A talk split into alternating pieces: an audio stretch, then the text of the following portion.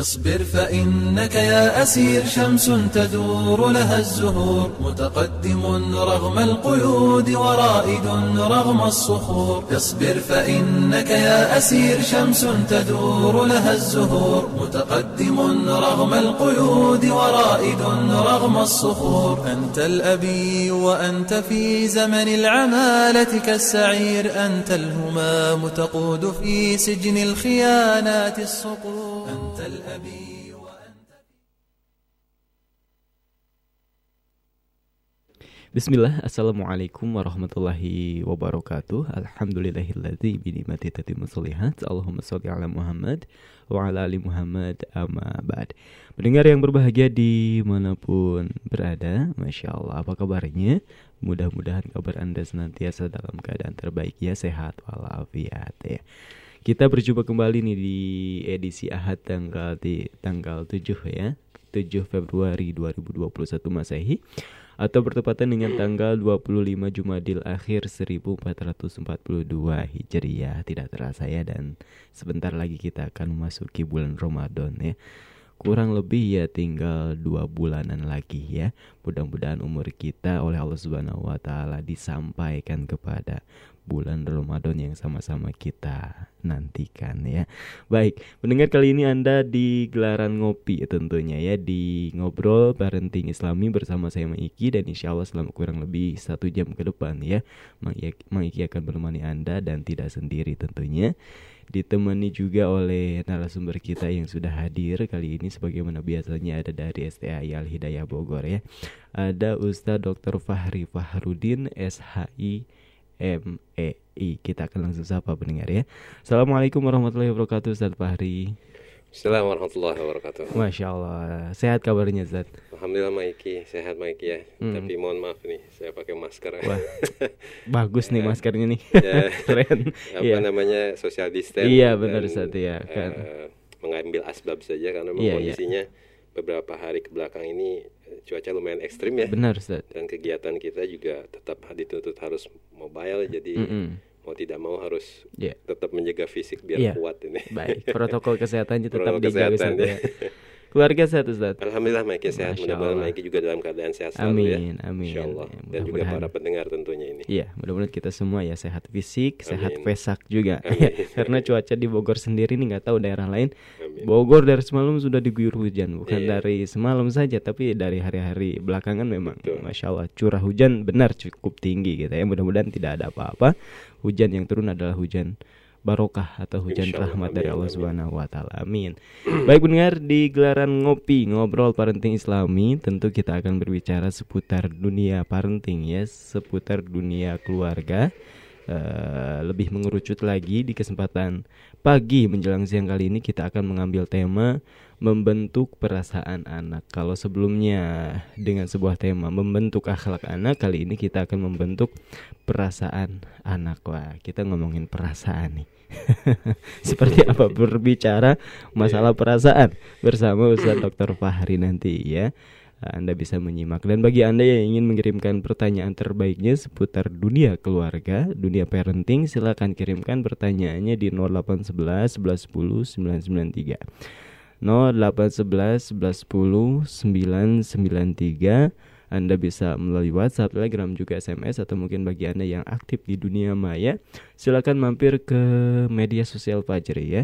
Kalau di Facebook ada halaman Radio Fajri di facebook.com garis miring Radio Fajri dan di sana juga sedang ada live streaming ya. Silakan bagi Anda yang ingin menonton, tonton saja di sana di facebook.com garis miring Radio Fajri dan jangan lupa tinggalkan komentar terbaiknya di kolom komentar ya. Bagi yang bertanya, memberikan kritik dan saran silakan ya. Baik, membentuk perasaan anak Ustadz ini kita bawa-bawa perasaan. Oh, Jadi baper ya.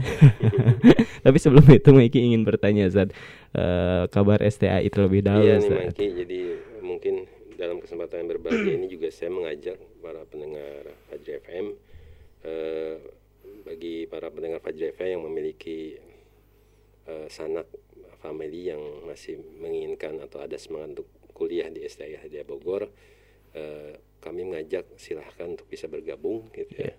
Karena memang saat ini kita sedang mengadakan eh, penerimaan mahasiswa baru untuk untuk nanti tahun ajaran 2021-2022 memang awal perkuliahannya mungkin dimulai di bulan September ya tapi insya Allah untuk promosi penerimaan mahasiswa baru kita sudah mulai buka sejak Januari kemarin hmm. karena memang pada perjalanannya biasanya eh, eh, apa eh, antusiasme masyarakat cukup lumayan gitu yeah. kan sehingga walaupun mungkin masih dalam tahap bertanya hmm. kemudian menanyakan mekanisme kuliah dan lain sebagainya yeah.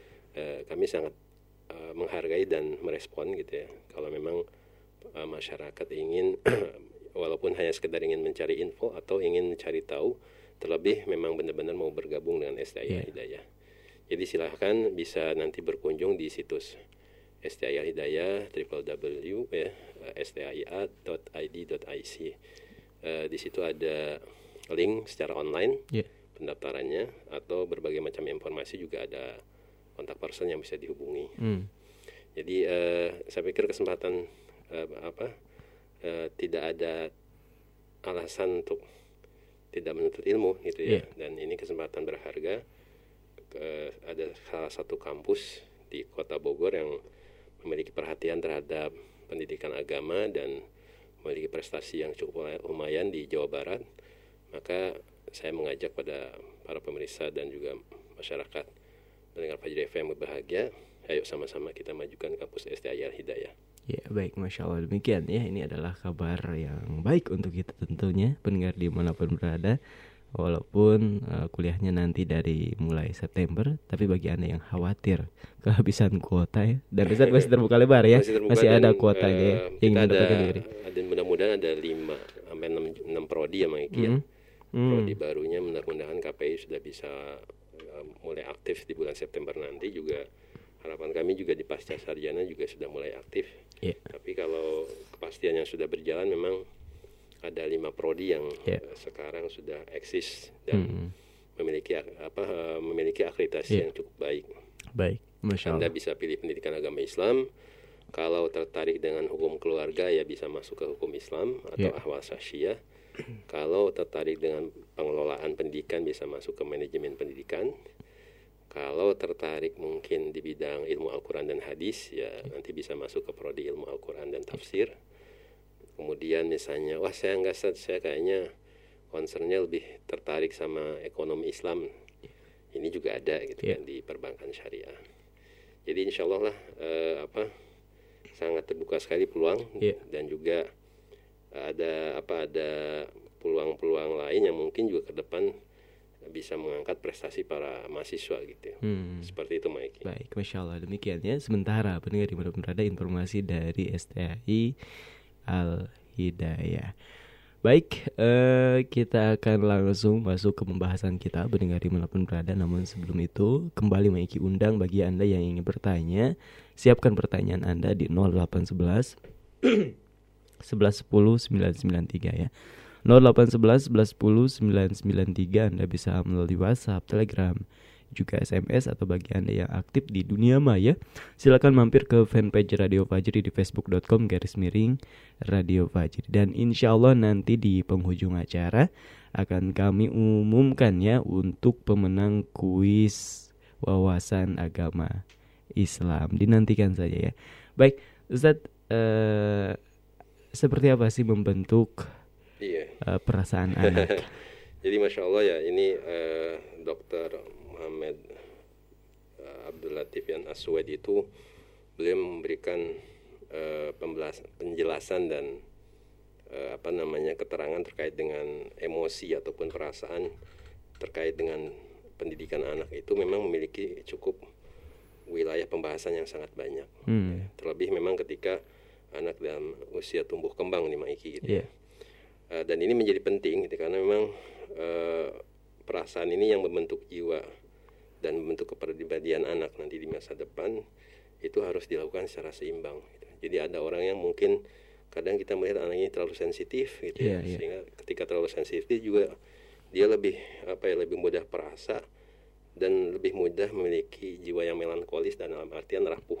Hmm. Akhirnya susah bergaul dengan orang iya iya iya gitu ya jadi uh, serba ujungnya baper gitu baperan misalnya ya tapi ada juga misalnya orang yang malah tidak punya perasaan sama sekali uh, dalam artian dingin gitu ya Yeah. dingin uh, apa namanya uh, dia dingin kaku dan bahkan mungkin nanti pada ujungnya bisa menjadi kejam dan Iya. dan jangan sampai menjadi psikopat gitu ya Hmm, nauzubillah. naudzubillah. artinya memang menumbuhkan perasaan anak yang memang dia eh, bisa stabil seimbang Iya. mencintai kebaikan memiliki perasaan lembut tapi juga dia struggle kuat dalam Hmm. menghadapi lingkungan yang ada di sekitar gitu kan. Kemudian apa namanya eh, apa eh, ceria dan lain sebagainya gitu. Nah ini eh, menurut beliau memang memiliki tempat tersendiri dalam membentuk karakter pribadi anak. Nah untuk itu Islam dalam hal ini gitu kan ketika berbicara perasaan sebetulnya Rasulullah SAW memberikan titik bobot penekanan Iya. khusus tersendiri bahkan dalam dunia anak Iya. Contoh misalnya anak yang mendapatkan perhatian dalam membangun perasaan bahkan betul-betul di mendapatkan tempat dalam Islam, misalnya anak perempuan. Hmm. Anak perempuan itu kan dulu di zaman jahiliyah itu nggak punya porsi itu. Begitu ditekan, ditekan, bah, dikekang gitu kan, bahkan tidak dianggap sama sekali gitu. Sehingga orang yang mendapatkan anak perempuan itu seolah-olah menjadi aib, kemudian tidak berguna, tidak memberikan manfaat. Bahkan ada menjadi tradisi orang-orang jahiliyah gitu ya. Anak perempuan itu dikubur hidup-hidup gitu. Nah ini eh, Islam datang justru tidak eh, apa menghilangkan unsur-unsur kejahiliahan yang seperti itu. Terus yang kedua misalnya bagaimana Rasulullah SAW itu sangat sensitif sekali terhadap perasaan anak yatim, Iya. gitu ya. Karena kita tahu anak yatim itu hilang eh, dari sa- salah satu sisi orang yang memang menjadi eh, apa namanya sandarannya dalam hal ini adalah ayah. Iya. Eh, kita kita kemarin sering bahas bagaimana seseorang yang memang eh, memiliki apa mendapatkan perhatian yang kurang gitu kan dari jangankan yang tidak ada orang tuanya gitu yang Iya. kadang yang masih punya orang tuanya saja itu belum maksimal mencurahkan perhatian kepada anaknya. Nah ini bagaimana kalau seandainya ada anak ada salah satu sisinya yang hilang gitu ya, yaitu ayah yang menjadi sosok eh, hero gitu kan menjadi eh, sosok yang mungkin pahlawan di matanya penjaga keluarganya itu hilang Iya. makanya bagaimana anak yatim itu terkadang emosionalnya itu subhanallah gitu ya Hmm. Sehingga di sini kita juga perlu perlu mengetuknya kemudian perlu menyayanginya dan kadang perlu bersabar dan berlapang dada melihat tingkah laku atau pola yang memang kadang mungkin di luar eh, eh, di luar hal yang kita sukai Mm-mm. gitu ya anak Iya. yatim kan seperti itu Iya.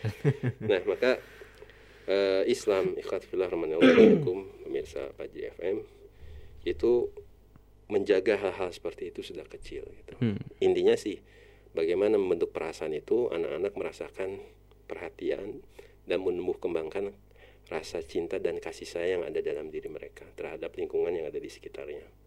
Maka eh, solusinya adalah mereka di eh, di apa eh, dipancing, direspon untuk merasakan itu. Salah satunya apa? Misalnya Rasulullah SAW itu orang yang paling sering eh, memeluk dan mencium anak kecil. Hmm, Masya Allah. Masya Ini kan luar biasa ya. Jadi Iya. anak kecil itu jangan sampai eh, merasa mi- miskin dengan pelukan gitu. Masya Allah. iya. miskin dengan pelukan, miskin dengan ciuman, dielus, diusap kepalanya Mm-mm. gitu kan. Itu hal-hal yang em, apa ekspresi yang diberikan oleh Rasulullah SAW pada anak kecil. Hmm. Hatta bu- bukan hanya kepada anaknya atau kepada cucunya, tapi juga kepada anak anak orang lain gitu ya, misalnya anak eh, para sahabat ketika bertemu gitu kan Hmm. lalu apa namanya eh, memberikan perhatian dan bahkan sikap eh, orang yang tidak memberikan perhatian dalam hal ini tidak tidak mau mencium anaknya tidak mau memeluk anaknya itu dipandang oleh Rasulullah SAW sebagai suatu sikap yang tidak baik Hmm. sesuatu sikap yang yang tidak baik jangan-jangan dengan sikap seperti itu nih ya ini seperti ada ancaman gitu ya dari Rasulullah SAW Iya. boleh jadi nanti Allah justru akan mencabut kasih sayang yang ada dalam dirinya. Kalau ayahnya saja atau eh, apa orang tuanya tidak mau gitu kan eh, membiasakan dirinya untuk memeluk anak-anaknya gitu kan. Pernah suatu ketika Maiki ya ada orang berkunjung pada Rasulullah SAW dan mereka melihat Rasulullah SAW mencium anak kecil, memeluk kemudian mengusapnya dan mereka bertanya, apakah kalian mencium anak-anak kalian? Terus kami ya, kami mem- memperlakukan anak-anak kami seperti itu gitu kan. Dan mereka menjawab demi Allah kami tidak mencium mereka. Maka Rasulullah SAW mengatakan tidak ada yang bisa aku aku lakukan apabila tidak ada yang bisa aku lakukan apabila Allah mencabut kasih sayang dari hati kalian. Itu kan udah ancaman. Iya, iya. Saya nggak bisa apa-apa nih. Hmm. Nanti kalau Allah cabut kasih sayang dari hati kalian, saya nggak apa-apa. Maksudnya jangan sampai kejadian seperti itu.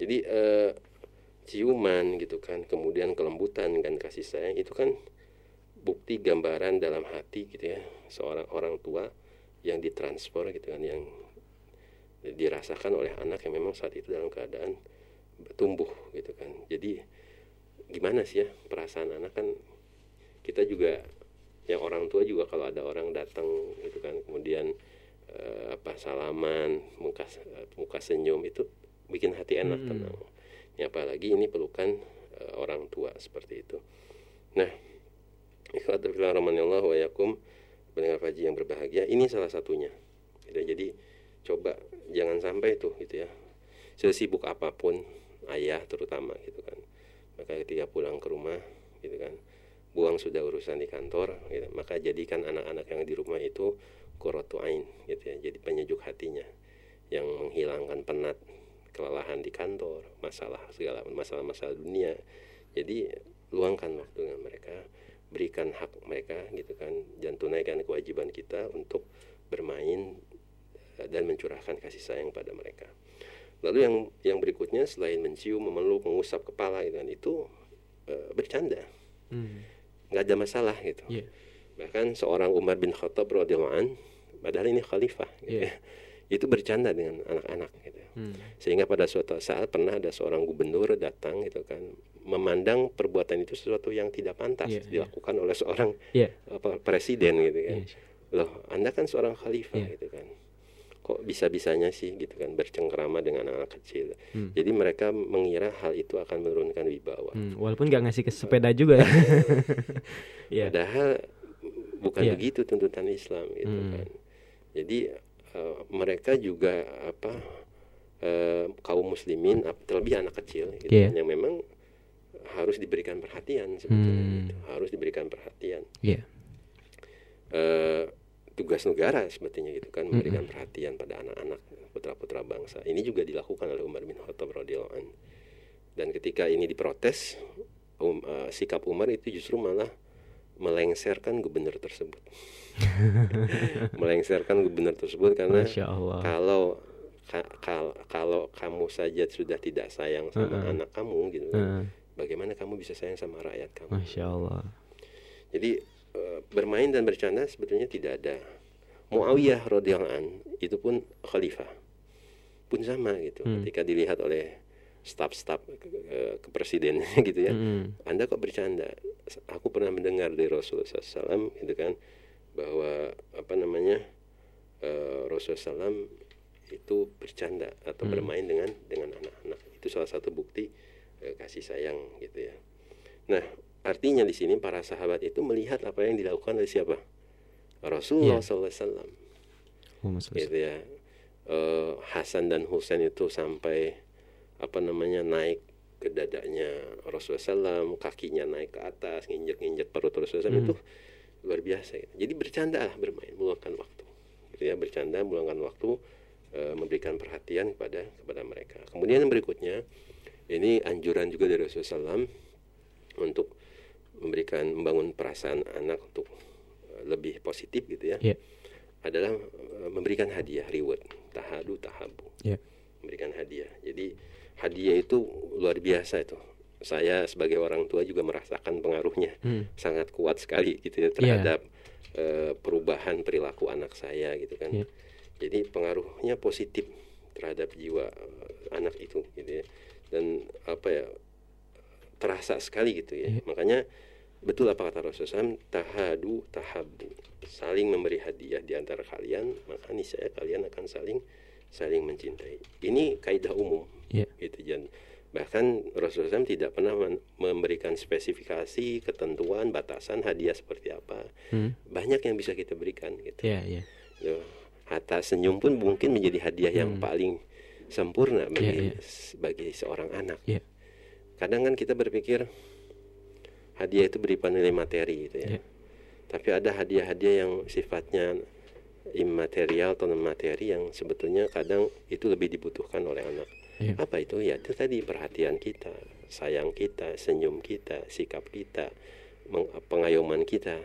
Ya, apalagi kalau itu semua lantas pun kita dukung dengan hadiah berupa materi itu ya, itu luar Hmm. biasa sekali. Iya. Dan eh, apa namanya?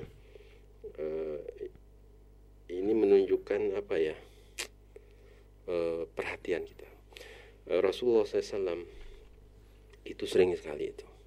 Jadi kalau ada sesuatu yang beliau miliki itu beliau itu biasanya memberikan hal itu nggak nggak ke orang gede dulu. gitu. Hmm. Jadi pernah di Madinah itu beliau pulang dari be- bepergian kemudian punya bekal atau makanan eh, sejenis makanan lah gitu ya.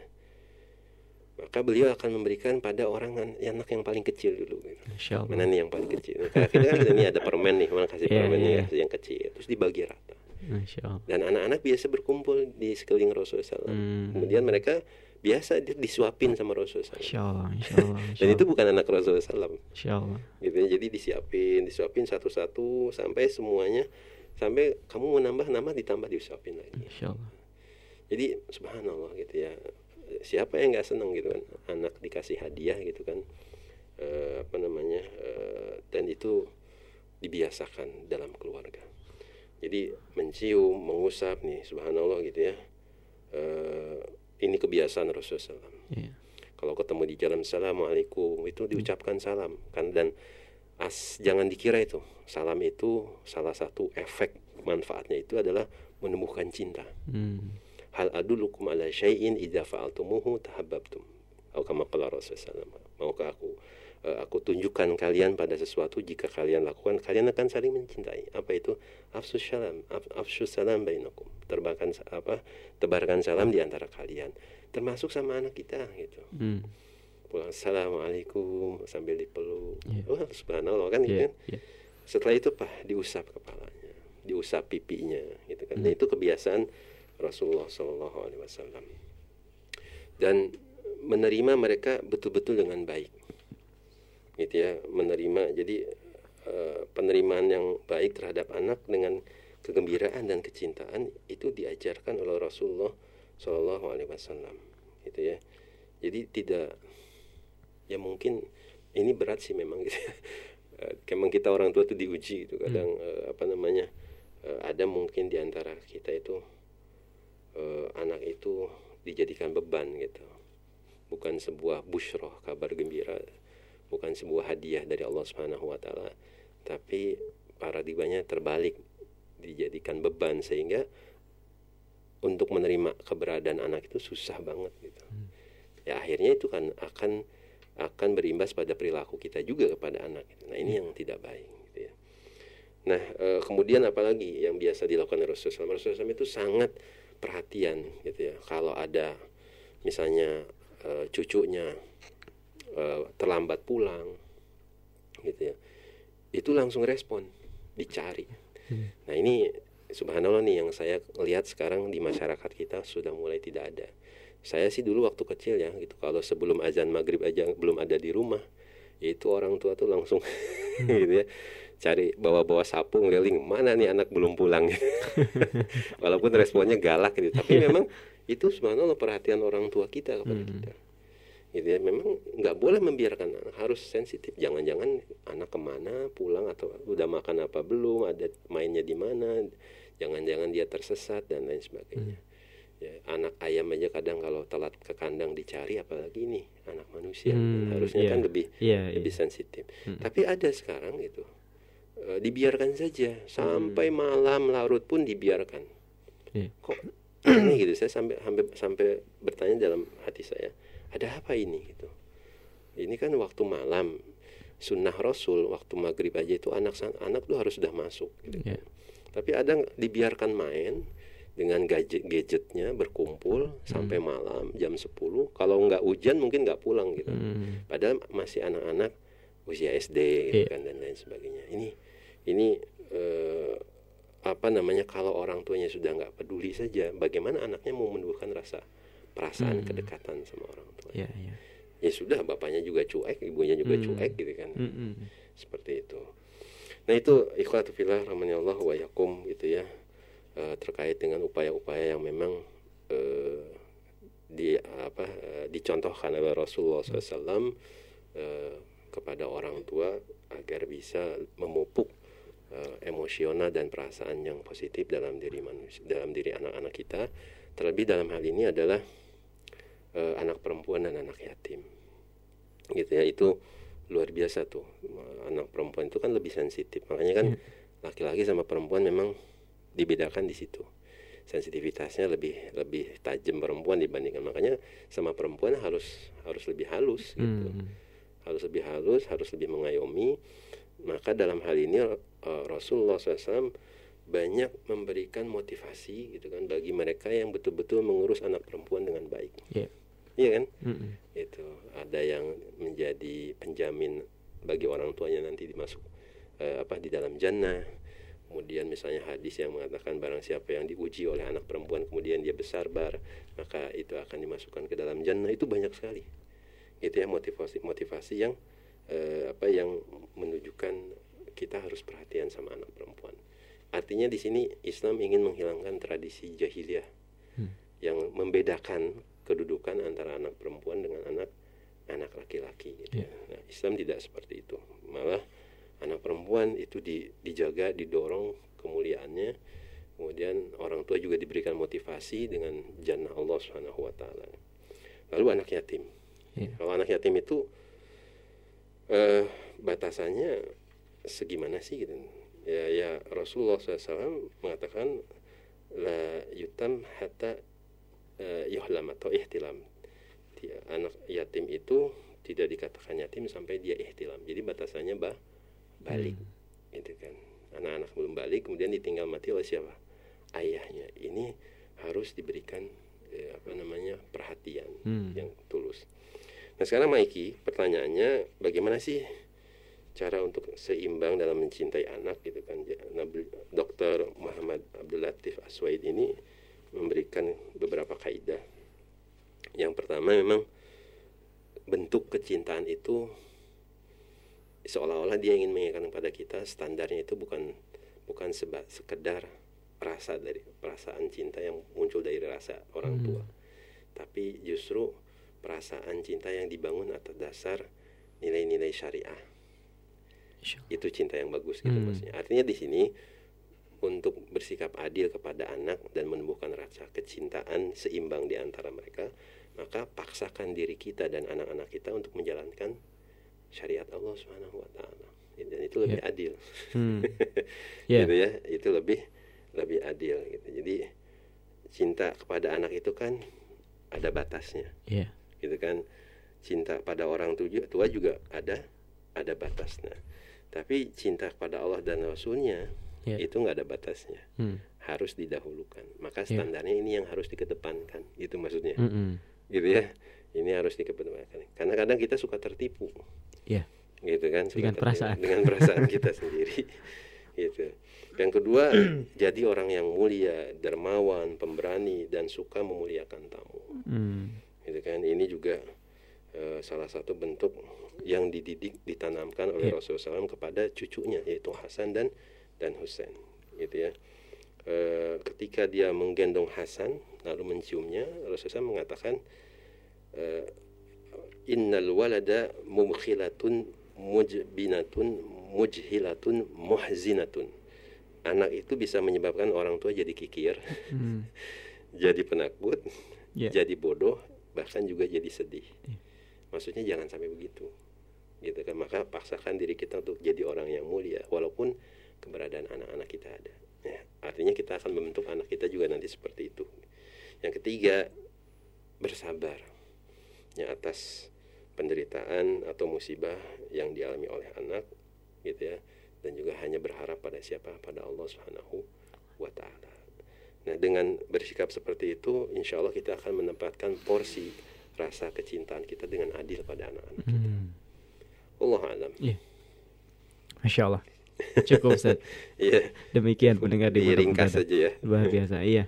Singkat saja karena waktu yang memang tidak banyak di kesempatan pagi hari ini mendengar di mana pun berada. Sebelumnya memang eh, kita sudah membahas tentang membentuk karakter anak dan kali ini kita membentuk perasaan anak insya Allah ya silakan mudah-mudahan apa yang Ustadz uh, Fahri sampaikan ini bermanfaat dan bisa diamalkan ya dipraktekkan diaplikasikan kepada anak-anak kita tadi.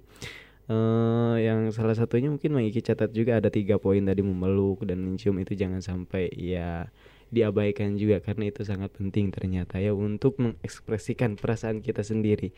Kemudian uh, bercanda ya sekedar bercanda gurau gitu ya, bersenda gurau bersama anak-anak kita. Kemudian ngasih reward nih ngasih hadiah ya kalau misalkan anak kita berprestasi atau uh, mencapai targetnya kasih hadiah ya. Baik Pendengar di mana pun berada, masih ada kesempatan bagi Anda yang ingin bertanya di 0811 11 993 ya. 0811 11 993 Anda bisa melalui WhatsApp, Telegram, juga SMS atau bagi Anda yang aktif di dunia maya silahkan mampir ke fanpage Radio Fajri tinggalkan komentar atau pertanyaan Anda di kolom komentar. Ini termasuk yang belum punya anak juga nanya aja dulu. Mungkin karena keseriusan Anda bertanya Allah kasih Anda anak nanti insya Allah ya. Baik pendengar di berada kita akan langsung bacakan ya sebelum jeda pertanyaan-pertanyaan. Namun sebelum Maiki bacakan pertanyaan, Maiki sudah berjanji ya Atau Radio Fajri sudah berjanji bahwa setiap pukul 10 hari Ahad akan diumumkan Pemenang kuis uh, pengetahuan agama Islam Ustaz, ini Maiki izin untuk mengumumkan pemenang kuis terlebih dahulu Ustaz ya Karena sudah pukul 10 lewat 11 nih ya Baik, selamat kepada para pemenang kuis pengetahuan agama Islam bersama Radio Fajri FM ya. Periode 1 sampai 6 Februari 2021 Masehi. Berikut adalah mereka yang beruntung. Satu, ada Aminah Umar di Tapos Depok 0821 1219 sekian sekian sekian. Kemudian yang kedua ada Hari M Haryadi ya di Ciamas Bogor 0858 9016 sekian sekian sekian. Kemudian ada Windra ya, yang ketiga ada Windra di Bogor Barat Bogor 08787456 sekian sekian sekian. Yang keempat ada Nurhaini ya Nurhaini di Tapos Depok 08981420 sekian sekian sekian. Yang kelima ada Novianti di Tambun Utara Bekasi 08963749 sekian sekian sekian. Yang keenam atau yang terakhir ada Bilkis ya di Bantar Gebang Bekasi 0815 11 87 sekian sekian sekian.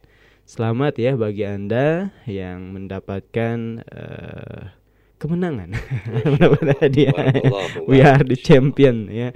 Baik masya Allah barusan ada enam orang yang berhasil uh, mendapatkan hadiah dari Radio Fajri ya. Pematerinya dapat nggak pematerinya insya Allah dapat juga. Spesial ya. Nggak harus jawab kuis dulu. Baik Ya, pemenang akan dihubungi oleh admin, kami admin ya untuk teknis penyerahan hadiahnya. Dan untuk Anda yang belum beruntung jangan khawatir masih ada kesempatan selanjutnya di pekan depan. Stay tune terus di Radio Fajri FM 99.3 uh, FM atau via streaming di www.fajrifm com. Ya baik Ustadz Fahri kalau pengen hadiah juga ikutan kuis atau siap, siap, hubungi keluarga ya masya Allah. Tapi nanti ada hadiah khusus lah ya waktu materi. Baik pendengar di mana pun berada demikian ya untuk uh, para pemenang kuis selamat. Uh, selanjutnya kita akan uh, kembali ke pembahasan kita ya. Atau Maigi akan membacakan pertanyaan-pertanyaan yang sudah masuk di meja redaksi. Satu pertanyaan terlebih dahulu ya setelah itu kita akan jeda melalui WhatsApp sudah bergabung ya. Ada dari siapa nih ya? Dari hamba Allah ya. Hmm, saya ingin bertanya Ustadz, bagaimana sikap kita terhadap teman kita yang melakukan penipuan di mana jelas-jelas pidananya murni. Nah, teman-teman saya menyarankan untuk mengikhlaskan. Insya Allah akan menggantikan lebih sementara uh, pelaku ini sangat sampainya uh, sangat sangat mampu orangnya Ya mungkin ini eh, belum begitu berkaitan dengan tema ya. Maiki pertanyaan, Maiki bacakan eh, pertanyaan selanjutnya. Eh, ini dari siapa nih ya? Dari hamba Allah. Assalamualaikum Pak Ustadz. Waalaikumsalam warahmatullahi wabarakatuh. Mau tanya bagaimana menerapkan rasa senang terhadap anak dalam hal ilmu agama tanpa kita harus memaksa anak tersebut. Memaksakan Iya, eh, jadi eh, bagaimana cara menumbuhkan eh, rasa senang terhadap anak dalam hal ilmu agama mungkin Hmm. agar anak ini suka sama ilmu agama Ustaz Iya. tanpa kita harus memaksanya. nggak bisa gitu kan. Hmm. Dalam artian memang eh, apa namanya kadang kalimat tidak memaksa itu mungkin juga kadang menjadi satu beban tersendiri bagi orang tua. Iya, iya. Seolah-olah ini ingin muncul dari kesadaran sendiri. Hmm. Memang awal untuk tahap awal Iya. itu agak sulit untuk untuk tidak membiasakan anak eh, mencintai amal soleh gitu Hmm. kan. Itu dengan tidak didorong, dipaksa atau dimotivasi. Cuman kan kalimat paksa itu kan sebetulnya seperti kesannya negatif ya. Iya. Maka gunakan kalimat yang lebih eh, lebih mudah dicerna oleh anak-anak kita. Hmm. Motivasi. gitu. Hmm. Kalau motivasi itu kan eh, sifatnya positif. Iya. Kemudian juga di, di dalamnya terkandung reward gitu Hmm. kan dalam artian anak itu bukan dipaksa tapi didorong sebetulnya gitu. Memang kalau dipaksa kesannya kayaknya lebih tuntutannya apa ya mengikuti keinginan orang tua dan memang sebetulnya orang Iya. tua ingin seperti itu. Iya. Cuman itu yang dipahami sama anak begitu. Iya. Makanya eh, supaya mungkin tidak muncul di benak perasa anak merasa dipaksa ya, mengikuti apa kemauan orang tua pada hal yang pada hal-hal yang dia memang masih eh, berat untuk menerimanya gitu ya. Mungkin ya, di sini sih eh, kecerdasan kepintaran orang tua untuk tadi merubah kalimat Iya. gitu kan dan menyusun strategi dengan yang lebih positif lagi yaitu Iya. Dengan motivasi. Hmm. Karena beda, saya pikir penerimanya pasti akan berbeda. iya, iya. Seperti misalnya eh, mengajak, jadi bukan memaksa, mengajak Mengajak. dan memotivasi anak untuk misalnya menuntut ilmu agama Iya. dan membiasakan eh, amal-amal soleh. Iya, iya. Nah, yang dijanjikan itu adalah apa yang dijanjikan oleh Allah dan Rasulnya kita sampaikan, Hmm. nggak perlu takut, Iya. gitu kan? Dan kita sampaikan juga harapan-harapan orang tua yang baik untuk diri mereka di masa depan Hmm.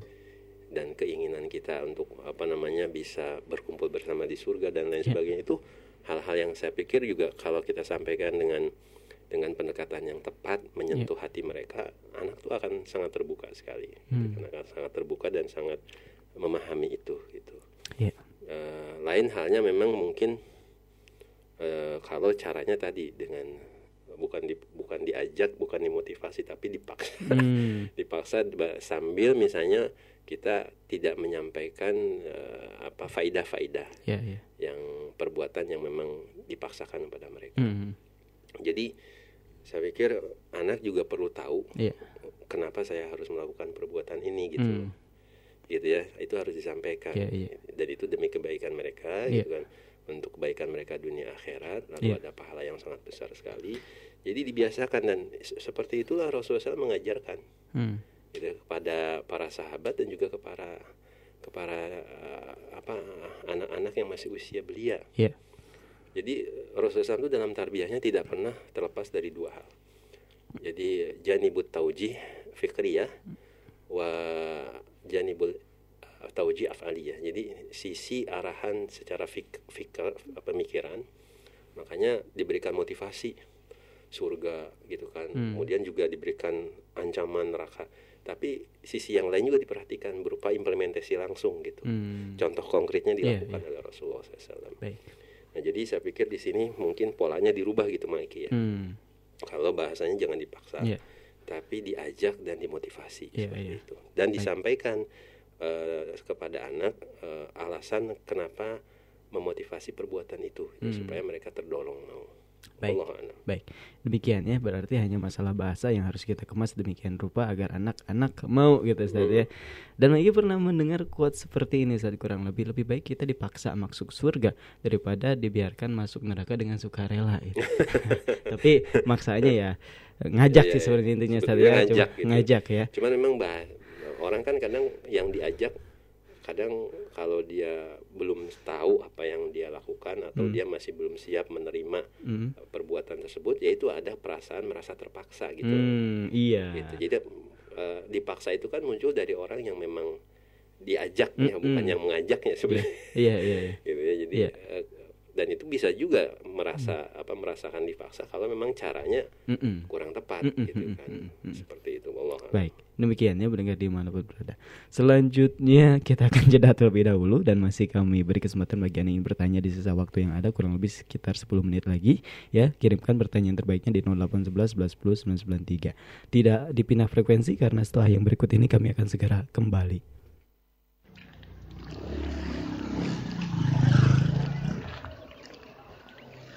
Man, man, Hmm, kamu tahu nggak nih? Ini suara saya siapa sih? coba putar saya mau dengar nih. Ini nih. Coba kamu denger ini. Nih aku putar ya. Mm-mm. Tuh. هل أتى على الإنسان حين من الدهر لم يكن شيئا مذكورا Inna khalaqnal insana min nutfatin amshajin nabtalihi faja'alnahu sami'an basira. Oh, itu. Saya tahu. Itu suara Syekh Misari Roshid. Oh, Musyari Roshid. Terus terus, kalau ini kamu tahu nggak suara saya siapa? Nih. بسم الله الرحمن الرحيم الحمد لله رب العالمين الرحمن الرحيم مالك يوم الدين Nah, kalau yang ini, ini suara Syekh Sa'ad Al-Gomidi. Wah, hebat kamu man. Mantul. Kok bisa tahu sih nama-nama saya tadi man? Sebenarnya nggak hebat juga sih. Wong saya hampir setiap hari dengerin kok. Kalau nggak kenal ya kebangetan. Hmm, gitu. Ngomong-ngomong, kamu dengarnya di Radio Fajri kan? Eh. iya, tapi nggak cuma dengerin di Radio Fajri sih. Terus, kamu denger di mana? Selain Radio Fajri. Ya, saya juga dengerin lewat laptop, kadang di HP. Kan saya juga punya flash disk murotal. Flash disk murotal? Emang apa bedanya dengan flash disk yang lain? Jadi, kalau flash disk murotal itu di dalamnya berisi MP3 Al-Quran dari kori-kori ternama. Hmm. Makanya saya tahu pas tadi kamu tanya. Oh, gitu. Kalau gitu, saya juga mau dong flash disk murotal Quran. Belinya di mana, Man? Saya belinya di Radio Fajri. Oke, saya mau beli ah. Eh, ngomong-ngomong produknya apa cuma flash disk murotal doang? Atau ada yang lainnya nih, Man? Bervariasi sih Ki, ada CD murotal, ada memory card murotal, ada juga flash disk murotal. Masya Allah. Mantap betul tuh, Man. Rasakan kebahagiaan dengan mendengarkan lantunan Al-Quran. Miliki segera produk murotal Quran dari kori-kori ternama. Insya Allah akan membantu Anda mendengarkan Al-Quran kapan pun dan di mana pun Anda berada. Anda bisa memilikinya dalam bentuk CD, memory card, dan flash disk. Untuk info harga dan pemesanan, hubungi nomor WhatsApp 0857 993 993 98. Sekali lagi, 0857 993 993 98. 100% keuntungan untuk dakwah Islam Radio Fajri.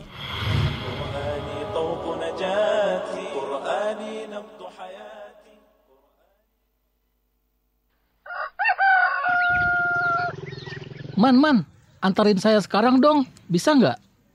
Emang mau ke mana sih Ki? Pakai acara untar antar segala? Ini, saya pengen beli kaos nih. Ahem, ada yang mau upgrade penampilan nih ya. Iya dong. Ada saran nggak? Kaos yang bagus gitu buat saya pakai. Wah, kebetulan nih Ki. Saya ada info bagus soal kaos nih. Wah, apa tuh, man? Kalau mau beli kaos, nggak usah repot-repot. Tinggal pesen aja kaos dakwah Radio Fajri. Wah, mantep nih. Kaosnya kayak gimana sih, man? Jadi di kaosnya itu ada tulisan Islam adalah solusi. Terus ada tulisan Fajrinya juga. Wah, oke nih. Pakai kaos sekaligus ngenalin radio dakwah Fajri. Betul banget Ki. Ya udah ya udah, mana nomor teleponnya? Saya mau pesan sekarang. Ini nih nomornya. Kamu hubungi lewat WhatsApp ya. Biar nanti dikasih foto-foto kaosnya. Pasti keren. Sip, udah nggak sabar nih mau lihat kaosnya. Pasti keren dan berfaedah tentunya. Telah hadir kaos dakwah Radio Fajri. Kaos bertuliskan Islam adalah solusi dan gambar logo Radio Fajri. Sangat cocok untuk mengenalkan dakwah Radio Fajri. Untuk info pemesanan, hubungi nomor WhatsApp 0857 993 993 98. Sekali lagi 0857 993 993 98.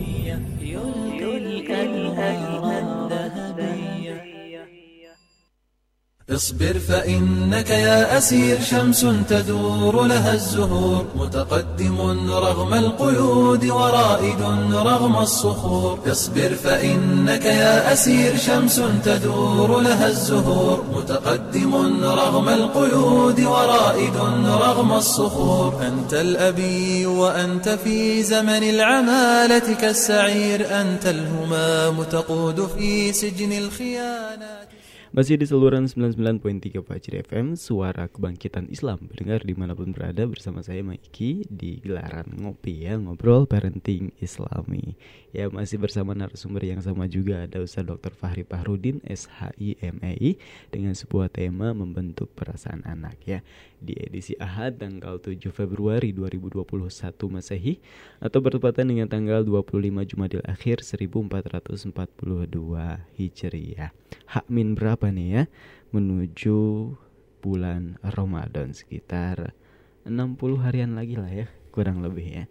Baik pendengar di mana pun berada mm-mm, kita akan langsung bacakan pesan yang sudah bermunculan di meja redaksi ya eh, terkait pertanyaan-pertanyaan dan akan ditanggapi langsung oleh Ustadz Fahri Fahrudin insya Allah ya.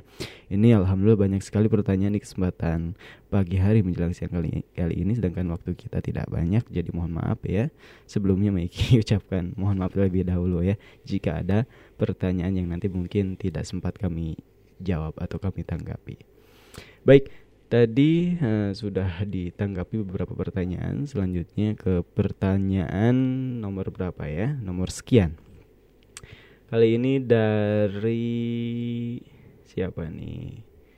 Dari Ham dari Umu Syahwa Melita ya di Tajur Ciawi. Afwan Ustad, Ana mau bertanya bagaimana cara menghadapi anak yang pendiam tidak mau terbuka sama orang tuanya. Syukran jazakallahu khair Ustaz. Masya Allah. Iya, anak anak pendiam. ya. Iya, introvert dia. Ustaz. Uh, Jadi memang agak susah juga ya. Saya Hmm. saya saya kurang apa namanya dalam artian memang dasarnya itu kan kalau kalau anak diajak komunikasi gitu Iya. kan. Tapi kalau di diajak komunikasi juga masih susah. Ini apakah ada sesuatu yang memang menjadikan psikologis dia lantas menjadi tertutup? Hmm. Nah, ini yang memang butuh penanganan khusus kalau anak sih gitu ya, melihatnya. Iya. Kalau memang sampai seperti itu. Iya. Karena dasarnya kalau anak diam ya kewajiban orang tua ya harus berkomunikasi. Hmm. dia. Tapi kalau ternyata komunikasi saja itu eh, entah susah, artinya ini ini nggak bisa nggak bisa dianggap sepele didiamkan dalam artian Iya. ah mungkin memang karakternya begitu nggak juga gitu Iya. ya.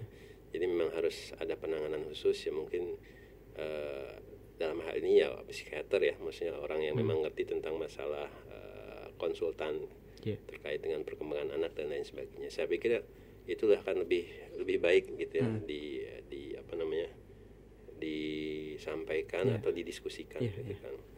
Baik. Allah alam. Tapi seandainya mohon maaf ini Ustaz, eh, kita husnuzon aja Hmm. eh, sebenarnya dia bukan pendiam tapi sehari-hari dia biasa berkomunikasi tapi pada hal-hal tertentu bab-bab tertentu dia tidak mau terbuka kepada orang tuanya. Eh, itu yang kita nggak tahu gitu, yang paling paham di di lapangan itu kan orang tua. Mm. Jadi pendiamnya seperti apa gitu. Hmm. Kalau memang pendiamnya dalam artian dia menutup diri, Hmm. tidak bergaul gitu kan. Kemudian bahkan dengan orang tuanya sendiri, Ya. kemudian dengan lingkungan sekitarnya juga istilahnya eh, intinya menutup diri lah gitu. Iya, iya. Berarti memang ada ada sesuatu yang Hmm. memang harus dibongkar gitu ya. harus ada sesuatu yang harus dicari tahu eh, terkait dengan kondisi psikologis kejiwaan dia gitu. Hmm. Dalam artian ada masalah gitu ya. Hmm. Mungkin dalam hal ini dia eh, ada trauma tersendiri atau Hmm. apa itu yang kita nggak tahu. Makanya perlu penanganan khusus kalau saya Iya, sini iya, nggak iya. bisa kita ceramah di apa dengan tips-tips yang seperti Hmm. ini nggak bisa Baik, gitu. baik. Demikian ya tanggapan untuk jawaban dari Umu Mailita ya atau ya Umu Syahwa Mailita di Lajur Ciawi. Selanjutnya ada Ibu Hanifah di mana nih ya di Dramaga. Ikut nyimak aja Ustadz Semoga kita dapat mendidik anak-anak kita dengan penuh rasa kasih sayang. Syukron. Afwan. Ya demikian. Hanya menanggapi ya. Baik selanjutnya ada dari Ibu Kasih di Kelapa Gading Jakarta Utara. Ustadz mau tanya Apa ada orang tua yang dosa sama anaknya Terus cara minta maafnya bagaimana? Wah ini terbalik Ustadz. Biasanya kan Iya. anak durhaka kepada orang tua Atau Hmm. ada nggak sih orang tua durhaka kepada anak? Ada. Jadi Hmm. ini yang subhanallah kadang kita juga sebagai orang tua mungkin tidak sadar dan akhirnya terjebak dalam keegoan kita sebagai orang tua yang merasa di posisi anak itu Iya harus melulu menghargai dan menghormati orang tua. Mm-mm. Padahal sisi yang lain juga orang tua itu dituntut untuk menghargai gitu dan eh, memposisikan anak dan eh, apa memberikan hak-hak anak gitu. loh. Jadi yang berdosa di sini maksudnya yang tidak tidak menyampaikan menunaikan hak-hak anak. Hmm. Apa yang dimaksud hak-hak anak? Hak-hak anak itu hak hak perawatan dengan baik, kemudian eh, pendidikan yang baik Iya. dan memberikan serta mengarahkan mereka pada nilai-nilai fitrahnya itu sebetulnya hak Hmm. anak. Gitu. Dan ini yang hati-hati nih. Gitu ya. Eh, boleh jadi anak itu nakal karena orang tuanya nggak sadar di sini tidak memberikan haknya. Haknya itu Iya. pendidikan pendidikan agama yang baik, lingkungan yang baik gitu ya.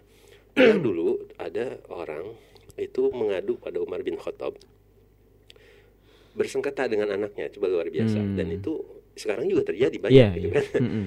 Orang berkasus antara anak dengan orang tua gitu kan.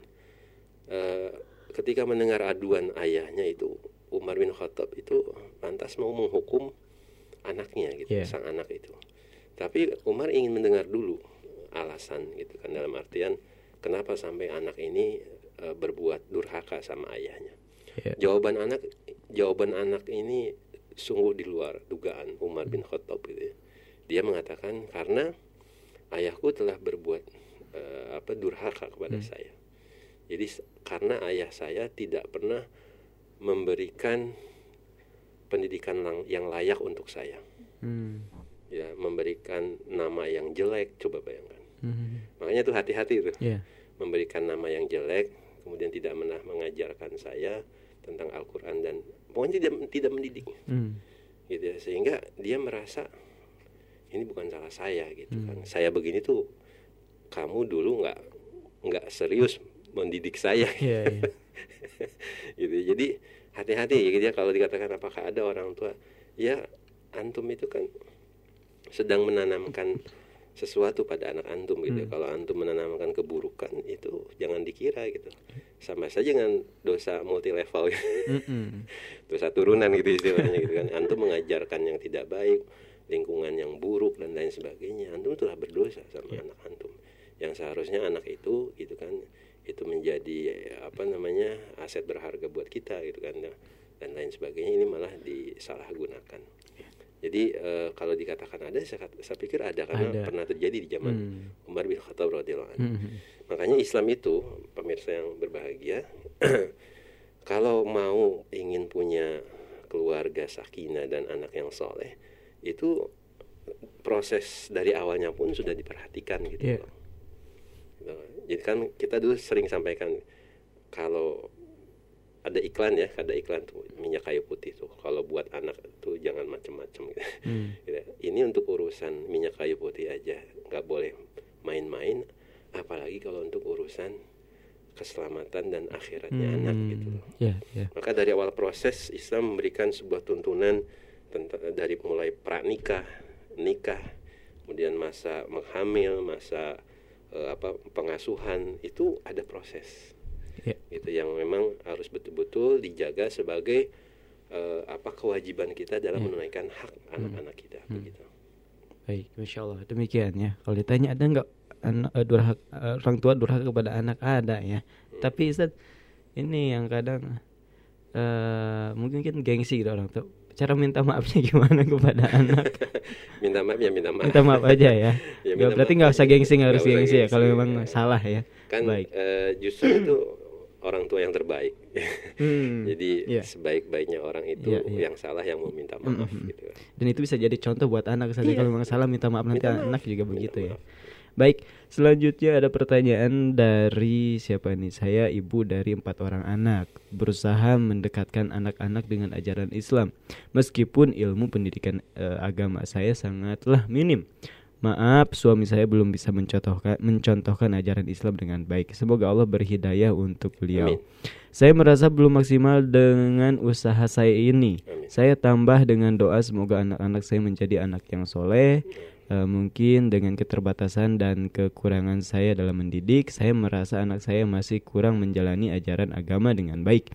Dan saya sangat sayang kepada mereka, ter- berharap mereka menjalani ajaran Islam dengan baik dan benar. Masya Allah. Bagaimana Ustadz? Masya Allah. Dari hamba Allah di Jati Asih. absyir, Masya bergembira itu, Hmm. masya Allah. Jadi jangan pesimis, jangan takut dan jangan pernah putus asa. Ya. Apa yang ibu lakukan itu adalah bagian dari kebaikan yang Allah kehendaki gitu Hmm. kan. Jadi bergembiralah saja gitu ya dan nikmati proses itu Hmm. dengan tetap berhusnuzon pada Allah Subhanahu wa taala dan berharap janji-janji yang telah Allah Subhanahu wa taala eh, apa berikan pada kita. Hmm. Jadi eh, niatnya harus dijaga, Ya.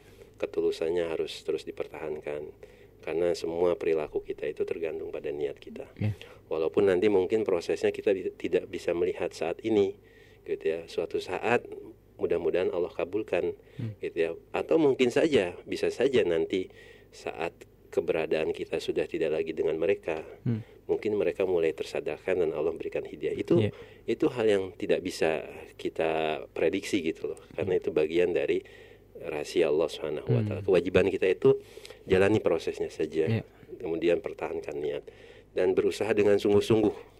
Karena Allah Subhanahu wa taala mengatakan walladzina jahadu fina lanahdiyanahum subulana. Barang siapa yang bersungguh-sungguh di jalan kami akan kami berikan petunjuk dari jalan yang lainnya gitu loh. Hmm. Jadi jangan putus asa. Iya. Tidak pernah ada sedikit pun kamu putus asa dalam diri seorang mukmin. Terlebih dalam hal ini kita sedang berusaha mendidik anak atau putra putri kita gitu kan. Iya.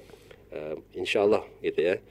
Kalaupun kita tidak merasakan sekarang, mudah-mudahan nanti Allah akan eh, berikan eh, hidayah itu dan itu menjadi kebaikan buat mereka semua. Amin, amin. Masya Allah demikiannya dan katanya jazakallah khair Ustaz. Selanjutnya ada pertanyaan dari siapa nih? Dari hamba Allah ya. Maiki dan Pak Ustadz, kami punya anak balita, anak perempuan. Bagaimana cara membatasi anak bermain dengan teman, sedangkan teman-temannya suka berkata kasar? Apa lebih baik di rumah? Kalau Ya. terlalu banyak di rumah nantinya dampak bagi anak bagaimana Pak Ustadz? Iya. Syukuran jazakallahu khair. Iya, eh, kalau memang lingkungan dirasa, lingkungannya dirasa itu justru memberikan lebih hal yang mendatangkan mudorot, Mm. maka di rumah tentu lebih baik, Iya. gitu kan. Jadi dan jangan dikhawatirkan dengan sesuatu yang masih sifatnya dugaan gitu. Hmm. Dalam artian ini kan saya di rumah nih, anak Iya, iya. tidak berinteraksi dengan anak yang lain, tapi Hmm. ketika kita sedangkan berinteraksi di luar itu sudah pasti gitu. Dalam Iya. artian lingkungannya tidak bagus Iya, misalnya. iya. dan itu peng- pengaruh yang akan Hmm. masuk ke dalam Iya. anak kita itu sudah nyata gitu Hmm. dalam artian sudah bukan dugaan Iya, lagi nih iya. gitu. Jadi eh, apa namanya eh, membiasakan mereka di rumah itu adalah bagian fitrah anak apalagi di sini anak perempuan Hmm. Iya, iya. gitu ya anak Iya. perempuan jadi eh, tidak tidak selapang seperti anak laki-laki Mm-mm. gitu maksudnya jadi Mm. justru subhanallah ya anak perempuan eh, ada rahasia nih, subhanallah ya sampai ada ulama itu mengambil faidah dari kisah Al-Quran itu sangat indah sekali. Apa kenapa yang diminta istrinya Firaun itu rumah gitu? Hmm. Mm-mm. Ya Pak Eki tahu kan kisahnya ya? Iya. Doanya Iya. istrinya Firaun apa? Ya Allah, Iya. berikanlah atau bangunkanlah Iya. rumah untukku di mana? Surga. Di surga. Jadi perempuan tuh begitu muyurnya ke situ aja terus. Mm-mm. di rumah, di rumah, di Mm-mm, rumah. mm-mm. Gitu. Jadi aneh kalau ada orang misalnya anak per- perempuan justru lebih suka di luar rumah. Iya, Jadi, iya. Saya pikir eh, biasakan justru Iya, biasa- biasakan anak perempuan di rumah gitu kan berinteraksi dengan ibunya, Hmm. mereka akan lebih terbiasa eh, mengetahui gitu kan ka- apa kewajiban sebagai anak perempuan seperti apa Hmm, gitu kan. Dan eh, insya Allah akan lebih banyak mencontoh ibunya gitu Iya. ke depannya seperti apa. Iya. Allah alam. Baik, demikian ya. Apalagi anak perempuannya masih balita, jangan sampai salah pergaulan. Ter- Terjerumus ke pergaulan bebas ya. Tapi masya Allah pun masih balita ya nggak apa-apa lah ya, karena fitrah perempuan itu di rumah ya. Baik, selanjutnya mendengar di mana pun berada. Hmm, ini masih banyak pertanyaan Ustadz, tapi waktu kita sudah habis nih ya. Mohon maaf kepada pendengar yang pertanyaannya tidak sempat kami tanggapi di kesempatan kali ini. Mudah-mudahan ke- eh, masih ada kesempatan di waktu yang lain untuk menanggapi pertanyaan-pertanyaan yang kali ini tidak terjawab ya. Jangan berkecil hati, terus semangat. Mudah-mudahan apa yang sudah dilakukan sudah dicatat baik oleh Allah Subhanahu wa taala sebagai kebaikan ya dan Allah akan mengganjar pahalanya. Dibalas entah itu ketika masih di dunia maupun ketika kita sudah di akhirat. Amin. Baik, Pak Ustadz, eh, kita tutup dan sebelum Mang Iki tutup atau meninggalkan acara yang fana ini, Ustadz barangkali ingin menyampaikan eh, sesuatu Ustadz sebagai kesimpulan, mangga. Eh, Bismillahirrahmanirrahim. Eh, Pemirsa yang Allah Subhanahu wa taala, saya hanya ingin eh, sedikit eh, memberikan kesimpulan terkait dengan apa yang kita bahas kali ini Iya. gitu kan lebih memberikan pemahaman dan penegasan lagi bahwa memang putra dan putri kita itu adalah pemberian dan karunia yang luar biasa yang Allah Subhanahu wa taala titipkan pada kita. Dan kita tidak di tidak dianjurkan untuk memilah di antara mereka. Apakah itu laki-laki atau Iya. apakah itu perempuan? Ya semuanya adalah merupakan eh, wujud hadiah dari Allah Subhanahu wa taala yang harus kita syukuri dan kita arahkan dengan baik sehingga menjadi dan tumbuh menjadi anak-anak yang soleh dan solehah ya, eh, berbakti pada kedua orang tuanya gitu. dan lebih jauh dari itu adalah mereka menjadi kader-kader muslim dan muslimah yang tangguh di masa Amin. depan Amin. ya dan menjadi sosok umat ini sebetulnya yang paling diharapkan ya terkait dengan generasi anak-anak dan putra-putra kita nah untuk itu saatnya lah di sini kita sebagai orang tua yang memiliki peran utama gitu kan memberikan perhatian pengarahan dan lebih dari itu semua adalah kasih sayang yang cukup untuk mereka gitu ya. Kasih sayang yang cukup untuk mereka sehingga mereka bisa merasakan kehadiran kita di mana pun kita mereka berada. Itu saja mungkin Maiki ya terakhir dari saya. Kurang lebihnya wallahu alam dan terima kasih atas waktu dan kesempatannya. Ya, baik. Sama-sama Ustaz. Kami juga dari Ropa Jadi mewakili ya. Syukron jazakallahu khair. Mudah-mudahan Allah panjangkan umur antum sehingga Amin. dengan umur yang berkah tersebut antum masih terus bisa sharing ilmu-ilmu yang sangat penting untuk kita semua. Amin. Amin. Demikian juga untuk Anda pendengar di mana pun berada Mang Iki mengucapkan jazakumullahu khair atas kebersamaannya bagi Anda yang sudah mengirimkan pertanyaan berinteraksi atau bagi Anda yang hanya menyimak saja. Akhir kata saya Mang Iki pamit undur diri. Mohon maaf atas segala kekeliruan juga mewakili akhi Mas Udi di meja operator. Subhanakallahumma wa bihamdika asyhadu an la ilaha illa anta ilaik. Wassalamualaikum warahmatullahi wabarakatuh. أدري بأنك واثق أن النهاية للصبور. دارت نفوس بالصغار وأنت بالكبرى تدور. فاهنأ بسجنك وامتشر سيف النكاية للكفور. متوشحا بالعزم قد نام الأراذل في الخدور وقف الزمان أمام سجنك يحتفي بدم النحور. متوشحا بالعزم قد نام الأراذل في الخدور وقف الزمان أمام سجنك يحتفي بدم النحور. أنت الهمام أنت الهمام.